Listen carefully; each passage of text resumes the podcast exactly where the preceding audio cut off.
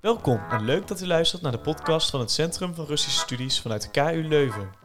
Mijn naam is Joël Lammerets en ik ben uw host voor deze podcast, die gaat over de onwaarschijnlijke relatie tussen het kleine België en het grote Rusland door de eeuwen heen. In de vorige aflevering keken we naar de ervaringen van kolonel Presbiano in België. In deze aflevering zal de kolonel ook weer kort aan bod komen. Koedenis gaat namelijk een lezing geven over de Russische emigratie na de revoluties van 1917.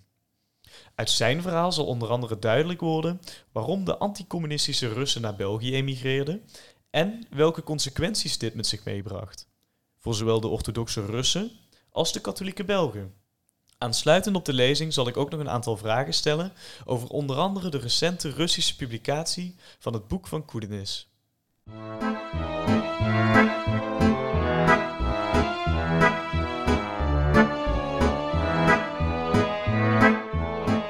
In 2004 verscheen onder de titel Leven voor de Tsaar Russische ballingen, samenzweerders en collaborateurs mijn geschiedenis van de Russische immigratie in België.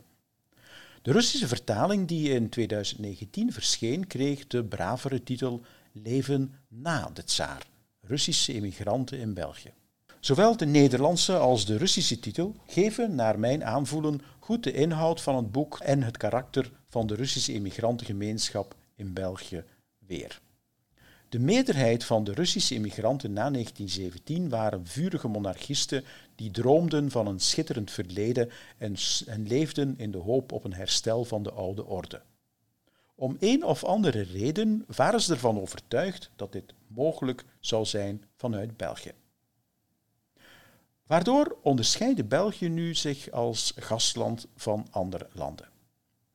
Afgaand op de gegevens van het Royal Institute of International Studies in Londen, dat in 1939 op last van de Volkenbond het refugee problem, het probleem van de vluchtelingen, in kaart bracht, was België het enige West-Europese land waar in de jaren 30 het aantal Russen toenam. Het lijkt erop dat deze cijfers de bewering van de Russen in België bevestigen dat ze hier uitzonderlijk goed werden opgevangen.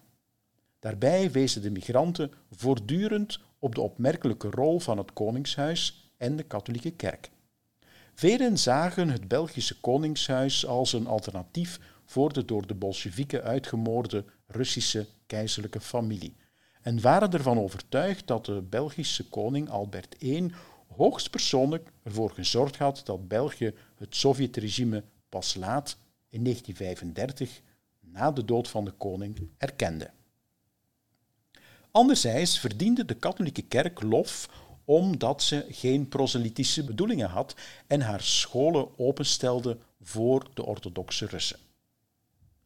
Zowel deze cijfers als de beweringen van de immigranten moeten met de nodige sceptisch en voorzichtigheid worden benaderd. Het lijkt erop dat de toename van het aantal Russische vluchtelingen in België op het eind van de jaren 30 eerder het gevolg was van een laks vluchtelingenbeleid dan van de aantrekkingskracht van het land. Bovendien waren er heel wat problemen met het verzamelen van de gegevens, wat de aangehaalde cijfers onbetrouwbaar maakte. Toen in 1921 de Volkenbond aan de Belgische regering vroeg om Russische vluchtelingen op te vangen, probeerde die er op alle mogelijke manieren aan onderuit te komen. Op de concrete Franse vraag om Russen op te nemen antwoordde de ministerraad op 25 januari 1921 als volgt.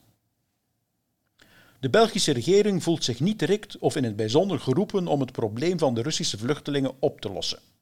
Bij gevolg bedankt ze voor de uitnodiging voor de conferentie waar die thematiek wordt, uh, zou worden behandeld, maar acht ze het onnodig om eraan deel te nemen en een afgevaardigde aan te duiden. Anderzijds wordt de Russische mythe over het Belgische koningshuis tegengesproken door de grondwettelijke beperkingen van de macht van de koning. Het Belgische buitenlandse beleid ten aanzien van Rusland was de bevoegdheid van de regering, die van meet af aan op zoek was naar een elegante oplossing voor het probleem van de diplomatieke erkenning van het revolutionaire regime in Rusland.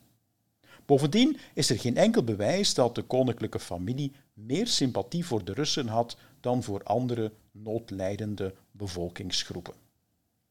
Last but not least kan de Russische bewondering voor de katholieke kerk bevreemden. In de regel staan Russische orthodoxen vijandig tegenover de katholieke traditie, die ze als imperialistisch ervaren. En dat was zeker zo in de jaren 20 en 30. Veel katholieken in die jaren waren ervan overtuigd dat alleen het katholieke geloof de wereld van de ondergang kon redden. Andere confessies, waaronder de orthodoxe, waren voor de modale katholiek onaanvaardbaar. De aangehaalde mythes vertellen meer over de aard van de Russische kolonie in België dan over de Belgische houding tegenover haar. Dankzij deze mythevorming voelen de nazaten van de zogenaamde witte immigranten zich meer Belg dan bijvoorbeeld Walen of Vlamingen. Ze leven bij voorkeur in het Brusselse, zijn verknocht aan kerk en staat, spreken Frans en houden van de monarchie. Dit beeld moet echter grotendeels op rekening geschreven worden van het feit dat de meeste Russen die na 1917 in België belanden, tsaarsgezind en of militair waren. In het vervolg van mijn verhaal wil ik beide mythes in hun historische context plaatsen. Ze karakteriseerden een gemeenschap die zich niet bepaald onderscheidde door een origineel cultureel leven, maar gekenmerkt werd door de maatschappelijke en politieke bezonjes van ballingen. Op het moment dat de Russische immigrantengemeenschap onder, overal onder druk stond om een keuze te maken tussen zich aanpassen of opkrassen, dit was vooral het geval in de tweede helft van de jaren 30, presenteerde Russisch-België zich als een bastion van anti-Bolsjewisme. Mogelijks is de toename van het aantal Russen aan dit imago te danken. Russische militairen die na afloop van de Russische burgeroorlog in 1921 naar België kwamen, kenden het land alleen uit de oorlogspropaganda, waarin koning ridder Albert en koningin verpleegster Elisabeth alom tegenwoordig waren. Hier hield de vergelijking met de tsarenfamilie niet op. Het feit dat koning Albert hoogstpersoonlijk zijn leger aanvoerde, zeer tegen de zin van de regering en uniek in de oorlogsgeschiedenis, inspireerde mogelijk Nicolaas II om in 1915 het opperbevel van de Russische strijdkrachten op zich te nemen. Vooral in het begin van de oorlog en opnieuw na de februari-revolutie van 1917 moest het lot van Poor Little Belgium de Russen aanzetten om te blijven strijden tegen de Teutoonse barbaren en in 1917 in de oorlog te blijven. Russische schrijvers en dichters, bewonderaars van beroemde Belgische auteurs als Emile Verhalen en Maurice Maeterlinck, bezongen enthousiast de vermeende moed van het Belgische volk. Koning en leger. Het was geen toeval dat men in 1915 Charles de Kosters Legende du Lenspiegel in het Russisch vertaalde, zelfs tweemaal. Het verhaal van de weerstand van de zuidelijke Nederlanden tegen de Spaanse overheerser in de 16e eeuw kon ook nu tot inspiratie dienen. De eerste stappen in de toenadering tussen Belgische en Russische militairen werden gezet door kolonel André Prisbiano, die tijdens de oorlog Russisch militair attaché aan het Belgische front was geweest. Hij was de man die in 1915 voorgesteld had om een Belgische eenheid panzerwagens naar Rusland te sturen. De wedervaren van dit ACM-korps is nog steeds een van de meest tot de verbeelding sprekende exploten uit de Belgische militaire geschiedenis.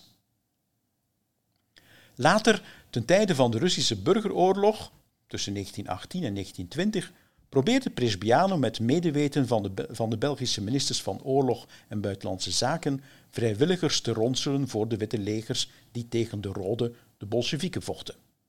Toen echter de linkse pers hiervan lucht kreeg, brak er een schandaal uit dat IJssel na de regering ten val bracht en meteen het einde betekende van Presbianos activiteiten in België. Dankzij zijn goede contacten in Belgische militaire en politieke kringen slaagde hij er echter in om sympathie voor de witte zaak te verwerven. En hij lag ook aan de basis van de eerste Russische militaire immigrantenorganisaties in België. In 1920 arriveerde generaal Anton Denikin, de gewezen opperbevelhebber van de witte legers van Zuid-Rusland, in België. De generaal hoopte asiel te krijgen in België, maar de Belgische socialisten schopten hierover zoveel keet dat Denikin het land moest verlaten. Zijn adjunct, generaal Alexei Chaperon du Larret, kon echter wel in België blijven. Samen met zijn vrouw Natalia Karnilova, de dochter van de witte generaal eh, Karnilov, zouden zij een belangrijke rol spelen in de verdere geschiedenis van de Russische emigratie in België. Ongeveer op hetzelfde tijdstip begon Emmanuel Fricero, een Belgische ondernemer van Corsicaans-Russische afkomst, werkloze Russische soldaten over te brengen van de Balkan naar België. De idee was om ze in de Belgische mijnen aan het werk te zetten. Er waren echter weinig gegadigden en te oordelen naar de brieven die de vrijwilligers naar hun kameraden op de Balkan stuurden, werden ze vooral ingezet als stakingsbrekers. Fricero organiseerde ook de overkomst van generaal Piotr Wrangel uit Servië naar België. Wrangel was de laatste generaal van de Witte Legers geweest. De reden voor zijn verhuis waren militair nog politiek, maar humanitair. Vanaf september 1925 liepen zijn kinderen immers school in Brussel en hij wilde gewoon samen met zijn gezin zijn. De aanwezigheid van de generaal in Brussel was voor de plaatselijke anticommunisten het signaal om een versnelling hoger te schakelen. Alhoewel Wrangel al in 1928 overleed, betekende zijn aanwezigheid dat de door hem opgerichte Russische Almilitaire Unie, afgekort ROVS, alle andere militaire organisaties, ook die door Presbiano waren opgericht, naar de achtergrond kon verdringen. ROFS werkte actief samen met de Belgische anticommunistische organisaties, waarin zowel veteranen van het Belgische ACM-korps in Rusland zaten als ondernemers die door de Oktoberrevolutie hun Russische investeringen in rook hadden zien opgaan.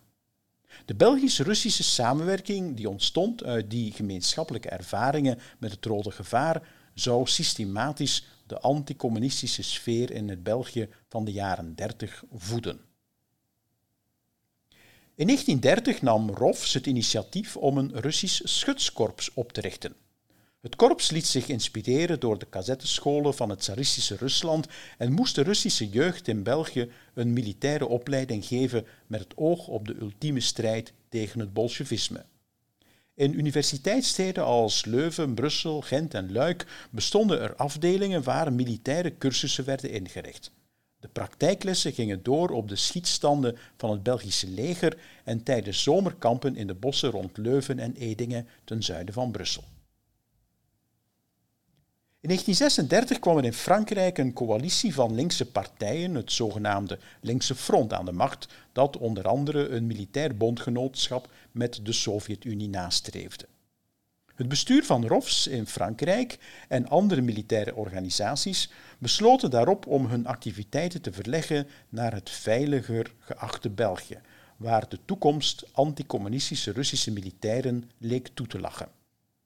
Die militaire organisaties namen ook hun korpsschatten en archieven mee en gaven die na bemiddeling van Presbiano in bewaring in het Koninklijk Legermuseum in Brussel, waar ze vandaag nog steeds te bewonderen en consulteren zijn.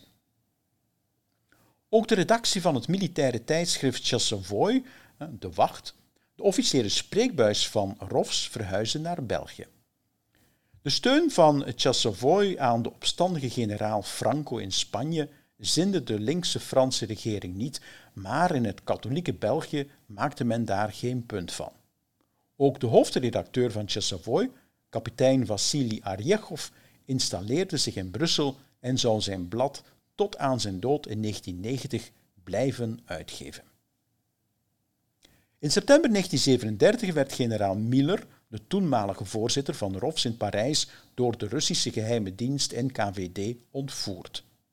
De leiding van ROFS kwam in handen van generaal Alexei Archangelsky, de voorzitter van de Vereniging van Officieren van de Generale Staf in België. Archangelsky zou ROFS vanuit België door de moeilijke oorlogsjaren leiden tot aan zijn dood in 1957. Het is geen overdrijving om te stellen dat België in die jaren het centrum van de Russische militaire immigratie was geworden.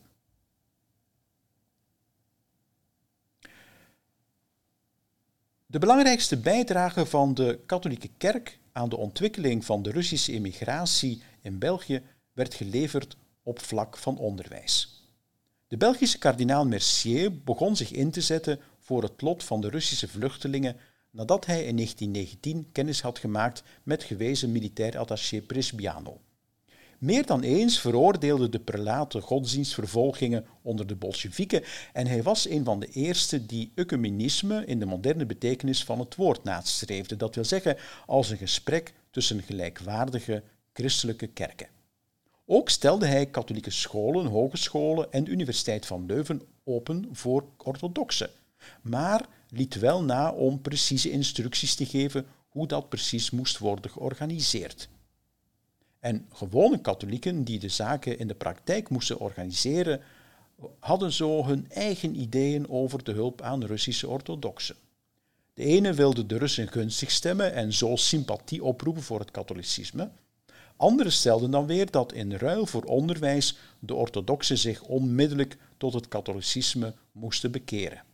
De herhaalde bewering dat er geen proselytisme, dat wil zeggen bekeringsdrang, in het spel was, zegt minder over het gedrag van de Belgische katholieken dan over de bereidheid van de immigranten om zich aan de realiteit aan te passen.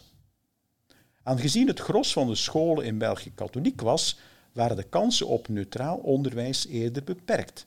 Meer nog, rijksscholen werden niet als neutraal gezien, maar als atheïstisch. Ook de bekering tot het katholicisme was vaak voorwaardelijk. Zo werd Alexander Pushkin, de achterkleinzoon van Ruslands nationale dichter, op Pinksteren 1924 in de Sint-Andriesabdij bij Brugge officieel katholiek. In de thuissfeer echter bleef hij gewoon orthodox. Dergelijk dubbelzinnig gedrag dreef veel Belgische katholieken tot wanhoop. Omgekeerd liep de katholieke druk veel ongenoegen op bij Russische immigranten en versterkte de facto de aantrekkingskracht van de Russisch-orthodoxe kerk in het buitenland, een afscheuring van de officiële Russisch-orthodoxe kerk in België. Voor deze buitenlandkerk, ook wel eens de synodale kerk genoemd, waren monarchie en orthodoxie synoniemen die de Russische identiteit bepaalden. Merkwaardig genoeg waren vrouwen, dat wil zeggen de Russische immigrantenmoeders, veel meer geneigd om de Russische identiteit te verdedigen tegen aanvallen dan uh, door Belgische katholieken dan hun echtgenoten, die vooral oog hadden voor de sociale promotie van hun nageslacht. Tot aan zijn dood in 1928 was Piotr Izvolsky de gewezen operprocurator van de Heilige Synode in het Tsaristische Rusland en broer van de gewezen Russische minister van Buitenlandse Zaken, de voorganger van de parochie van de Heilige Nicolaas in de Ridderstraat in Brussel. Dit was de voormalige kapel van de Russische ambassade. Vader Izvolsky had een groot vertrouwen in kardinaal Mercier en steunde diens aan initiatieven om Russen in het katholiek onderwijs toe te laten. Izvolsky liet ook niet na te protesteren als katholieke scholen al te ijverig probeerden zieltjes te winnen. De vriendschap met Mercier, als ook het feit dat Izvolsky in kerkelijke conflicten de zijde koos van metropoliet Jevlogi, die toenadering zocht bij het ecumenische patriarchaat van Constantinopel, zinden de aanhangers van de buitenlandkerk in België allerminst. In 1928 nodigde de entourage van wijlen-generaal Wrangel priester Vassili Vinogradov, die in het verleden biechtvader van Wrangel was geweest, vanuit Servië naar Brussel uit. Twee jaar later werd Vinogradov de voorganger van de eerste buitenlandparochie in België, in de, in de Brusselse Veitstraat. In 1935 verhuisde de buitenlandparochie, nu geleid door Vinogradovs opvolger Alexander Shabashev, naar de Livornostraat. Tegelijkertijd begonnen de parochianen geld in te zamelen voor de bouw van een nieuwe kerk gewijd aan de tsaar-martelaar Nicolaas II. In de tweede helft van de jaren 30 liet de Brusselse buitenlandkerk zich alsmaar meer met politiek in. Zo steunden ze bijvoorbeeld de Frankisten in de Spaanse burgeroorlog. In september 1938 bracht uh, Shabashev in naam van het parochiale comité tot steun aan Russische strijders die vechten in het leger van generaal Franco en hun families, een bezoek aan de Russische Frankistische vrijwilligers in Spanje. En in de rapporten van de Belgische staatsveiligheid, maar ook in de kranten, werd er steeds vaker gewacht gemaakt van de Duitse sympathieën van de buitenlandkerk. Toen de oorlog uitbrak in mei 1940, werd de buitenlandkerk de enig toegelaten Russisch-orthodoxe kerk in België. De Duitsers arresteerden aartsbisschop Alexander Nimalowski, de vertegenwoordiger van metropolitie Vlogi in België, en de parochies in Brussel, Charleroi en Leuven, die, eh, die onder zijn jurisdictie vielen, kwamen nu onder controle van buitenlandpriester Alexander Shabashev. Het overwicht van militairen en de drang van de aanhangers van de buitenlandkerk om de zieltjes van de immigranten voor zich te winnen, en dat zegt, dan zeg ik nog niets over de vreselijke materiële omstandigheden waarin de immigranten zeker in de jaren dertig leefden, leiden tot een sluiting van de geesten en een armtierig cultureel leven. Trouw aan de monarchistische zaak was een noodzaak. Andersdenkenden, vertegenwoordigers van de oude en linkse vooroorlogsimmigratie, om nog maar te zwijgen van de recente Sovjet-overlopers, konden op geen enkele sympathie rekenen. Symptomatisch hiervoor was de houding tegenover Russen die al voor de oorlog naar België gekomen waren. In 1910 leefden er in België zo'n 7500 Russen, vooral studenten, tegenstanders van het regime en vertegenwoordigers van nationale minderheden die in het Zarenrijk weinig kansen kregen, zoals Joden en Polen. Velen van hen wilden zelfs niks te maken hebben met de postrevolutionaire immigratie.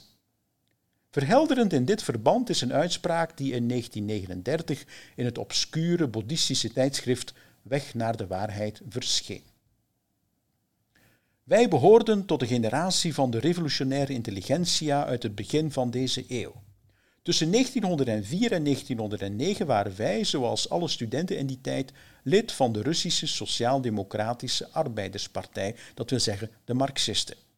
We verlieten die partij in 1909, dat wil zeggen lang voor het ontstaan van de Communistische Partij. We arriveerden in België na de revolutie van 1905. Met andere woorden, we hebben niks te maken met de burgeroorlog of met de witte beweging.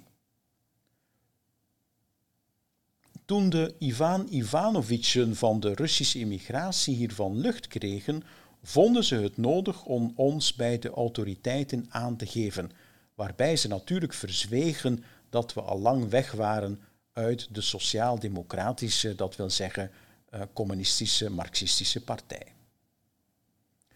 Er waren ook etnische tegenstellingen. Velen waren ervan overtuigd dat de revolutie het resultaat was van een joods-maçoniek complot. Die overtuiging leefde overigens ook in Belgische kringen die sympathiseerden met de immigranten. In elk geval werden organisaties waarin ook Joden zaten met achterdocht bejegend, zoals de Unie van Russische Advocaten in België of de Russische Academische Groep in België. En behalve de piepjonge en non-conformistische journaliste Zinaida Shachovskaya was er niet één Rus die de club van Russische Joden frequenteerde. Zelfs als die vooraanstaande Russische schrijvers als Vladimir Nabokov of Marina Tsvetaeva naar Brussel of Antwerpen haalden. Ook met de relatie tussen Russen en Oekraïners wilde het niet vlotten. Zo protesteerden Russische studenten heftig toen de Leuvense Universiteit een avond van Oekraïnse zang en dans wou patroneren. De universiteit moest uiteindelijk haar handen afhalen van de organisatie en de daaropvolgende maanden uh, waren er nog verschillende incidenten tussen Russen en Oekraïners. Op een bijeenkomst van Russische nationale organisaties in Parijs in 1932 bracht kolonel Anatoly Livashov, de oprichter van het Russische schutskorps, verslag uit over het Russische leven in België. De psychologie van de Russische kolonies in België onderscheidt zich behoorlijk van die in Frankrijk. Het leven in België heeft overal het nationale zelfbewustzijn versterkt. Er zijn krachtige jeugdorganisaties ontstaan die heel actief zijn. Veel jonge intellectuele krachten nemen actief deel aan het nationale werk. De afkeer van de Parijse liberale Russen was zo groot in België dat Arjechov, de hoofdredacteur van het militaire tijdschrift Chassavoy, samen met de journalist en generaal Piotr Shorin en met Yuri Wojciechowski, de reizende ster aan het firmament van Russisch-België, besloot om een unie van Russische journalisten in België op te richten, die tot doel had de informatie die in België over Rusland verspreid wordt te screenen en zo nodig te corrigeren. Kop van Jut was de Parijse krant Pasledi Novosti, het laatste nieuws, dat zeer kritisch was voor de akkoorden van München, waardoor Hitler in 1938 vrij spel kreeg in Tsjechoslowakije. We moeten wijzen op de verontrustende rol van de in het Russisch verschijnende krant Het Laatste Nieuws, die uit zoologische haat tegenover Duitslands oorlog wil en de westerse mogendheden oproept om militaire actie te ondernemen. Op basis van wat ik tot nu toe vertelde, zou je verwachten dat de Russische immigranten in België massaal met de Duitsers zouden collaboreren tijdens de oorlog. Veel sympathiseerden inderdaad met hen en sommigen vochten zelfs aan het Oostfront tegen de Sovjet-Unie. Anderen traden echter toe tot het verzet en hielpen Russische krijgsgevangenen uit Duitse kampen te ontsnappen. Het algemeen beeld was bij gevolg zeer complex en bont. Al voor het uitbreken van de oorlog in mei 1940 vroegen de leiders van ROF zich af wat ze zouden doen in geval van een gewapend conflict tussen Hitler en Stalin. Zolang dit echter niet aan de orde was, moest ROFS, ROFS neutraal blijven, vonden ze. Op 29 juni 1941, een week na de Duitse inval in de Sovjet-Unie, schreef generaal Archangelski een nota over de mogelijke deelname van de Russische immigratie, in het bijzonder Russische militaire organisaties, eh, aan de strijd tegen de Sovjets en het Bolsjewisme. Hierin deed de generaal enkele concrete voorstellen tot samenwerking. Russische immigranten zouden, niet, eh, zouden geen dienst nemen in de Weermacht, maar afzonderlijke eenheden moeten vormen voor specifieke opdrachten. Antibolsjewistische propaganda in het algemeen en onder Sovjetkrijgsgevangenen in het bijzonder administratieve taken in de bezette delen van de Sovjet-Unie. Dit laatste moest dienen om de plaatselijke bevolking te verzoenen met de immigratie. De voorstellen van Archangelski werden echter verworpen. Ze waren absoluut onaanvaardbaar voor diehard nazi's die de Russen als Untermenschen beschouwden. In 1941 richtten de Duitse geheime diensten de Russische Vertrouwenstellen in België op. Als directeur van de dienst werd Yuri Wojciechowski naar voren geschoven. Het wantrouwen van veel Russen tegen deze vulgaire opportunist sterkte de Gestapo echter in zijn overtuiging. Wojciechowski, een vurig bewonderaar van Hitler, trok zich niks van de gevoeligheden van de Russische militaire immigratie aan. Op zijn aanstoken arresteerden de Duitsers generaal Pavel Kusonski, die kort nadien in het concentratiekamp van Breendonk overleed. Meer dan eens dreef Wojciechowski's eigen optreden zowel de Belgische als Duitse autoriteiten tot wanhoop. In 1943 organiseerde Wojciechowski een hele reeks propagandamanifestaties, waaronder een grote anti-bolsjewistische tentoonstelling in het Brusselse Jubelpark, met deelname van de kopstukken van de Belgische collaboratie en vertegenwoordigers van het Russische bevrijdingsleger, een eenheid samengesteld uit Sovjets krijgsgevangenen onder leiding van generaal Vlasov. Bij de bevrijding van Brussel in het begin van september 1944 werd Wojciechowski door onbekenden voor zijn kantoor doodgeschoten. Zijn handlangers ontliepen hetzelfde lot of arrestatie door naar het buitenland te vluchten, voornamelijk naar Zuid-Amerika. In 1946 eisten de Sovjet-autoriteiten dat België de kopstukken van ROFs als collaborateurs zou arresteren en aan de Sovjet-Unie uitleveren. Maar de Belgische autoriteiten gingen hier niet op in. De enige Russische immigrant die werkelijk voor collaboratie werd veroordeeld door het Belgische gerecht was de journalist Boris Salanjevich. Salanjevich was in de jaren 30 uit een Sovjetkamp ontsnapt en genoot grote populariteit in de Brusselse kolonie voor de oorlog. Zijn Sovjet-afkomst en zijn grote mond vielen echter niet bij iedereen in de smaak. Zelfs het feit dat Salanjevich samen met Kusonsky in Breendonk opgesloten werd op last van Wojciechowski mocht niet baten. Tien jaar lang probeerde Sal Salanjevich eerherstel te krijgen en hij kreeg hierbij de steun van de katholieke kerk en anticommunistische Russen overal ter wereld. Maar Vassili Arjechov, die tijdens de oorlog ook met de Duitsers sympathiseerde en pas in de zomer van 1944 tot het verzet was toegetreden, zag Salanjevich als een concurrent en deed er alles aan om de Russische diaspora met op kop de militaire en de buitenlandkerk tegen Salanjevich op te zetten.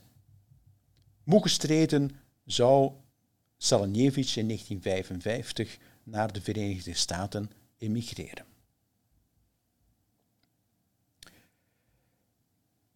Ik ben er mij natuurlijk van bewust dat ik in mijn verhaal een zeer somber beeld van de Russische immigratie in België heb geschetst. Ik bevestig daarmee het cliché dat de Russische immigratie uitsluitend uit hardleerse reactionairen bestond, die droomden van het herstel van het oude regime en leefden in een gesloten Russische wereldje. Het spreekt vanzelf dat ik op een klein half uur die hele geschiedenis van leven voor de tsaar, dus te zeggen leven na de tsaar, niet in al haar nuances kan vertellen. Daarom heb ik de Russische immigrantengemeenschap in grote lijnen proberen te beschrijven, wat noodzakelijk betekent dat er ook mensen en groeperingen waren met meer gematigde of zelfs helemaal tegenovergestelde, zij het niet minder radicale standpunten. Mijn beschrijving van het culturele leven beschrijft evenmin de kleurenrijkdom die in werkelijkheid bestond, maar die zelden door tijdgenoten werd waargenomen. En we mogen evenmin vergeten dat de Russische immigranten in de eerste plaats vluchtelingen waren, die gedwongen waren geweest om een land te verlaten en die een nieuw leven moesten zien op te bouwen en zich moesten aanpassen aan een vreemde cultuur en maatschappij, die vaak vijandig tegenover hen stonden.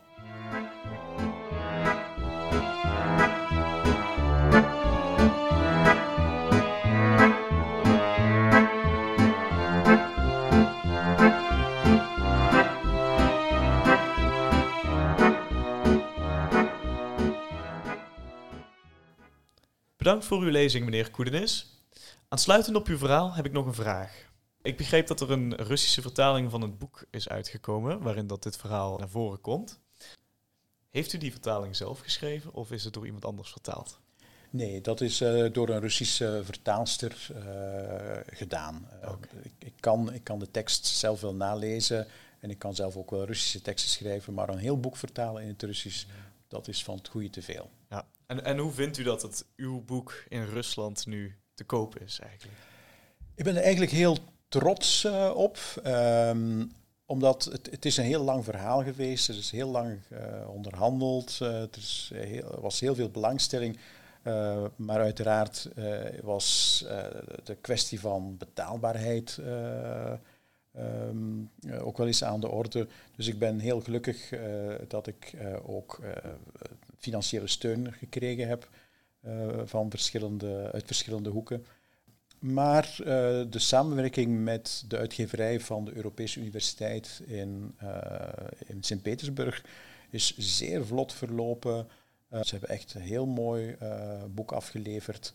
En ehm, ja, ik, ik was razend trots toen ik in een Russische boekhandel, een bekende Russische boekhandel in Moskou binnenstapte en dat ik mijn boek daar in grote stapels lag, zag liggen.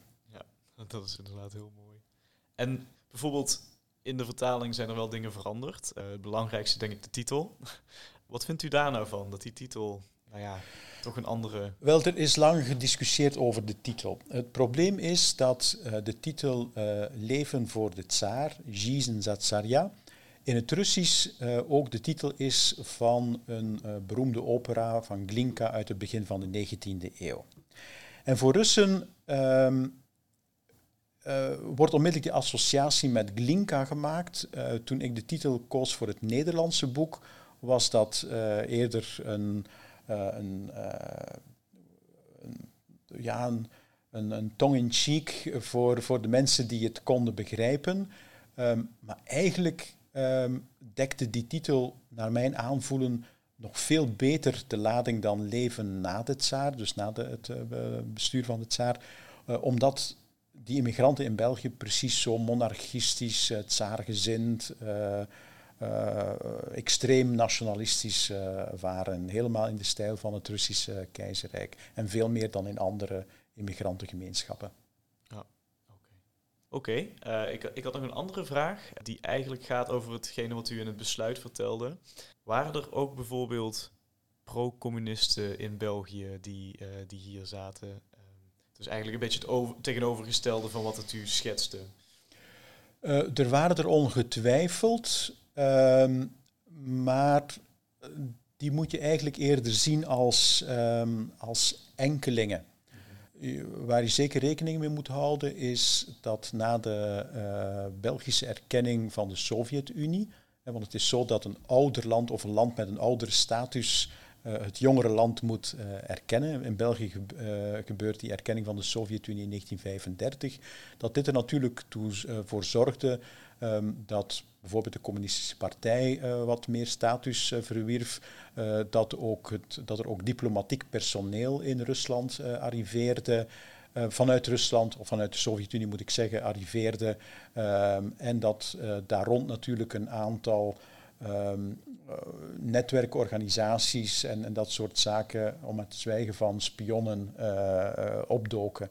het is bijvoorbeeld bekend dat een van de belangrijkste ehm, anti-Duitse spionagenetwerken, en de Rode Kapelle, uh, dat die eigenlijk vanuit, vanuit België door de Russische geheime diensten werd georganiseerd. Maar dit was eigenlijk een, een, een compleet andere wereld.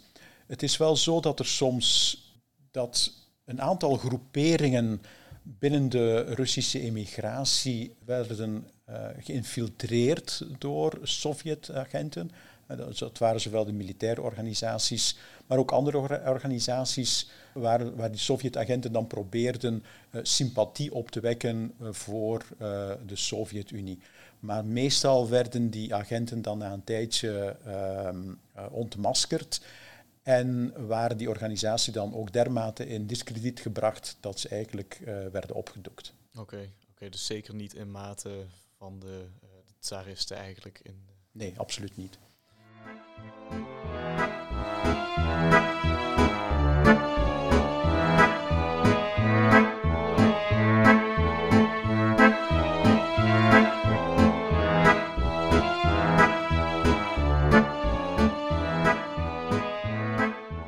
Heel erg bedankt meneer Koedenis voor uw lezing over Russische emigratie na 1917 in België.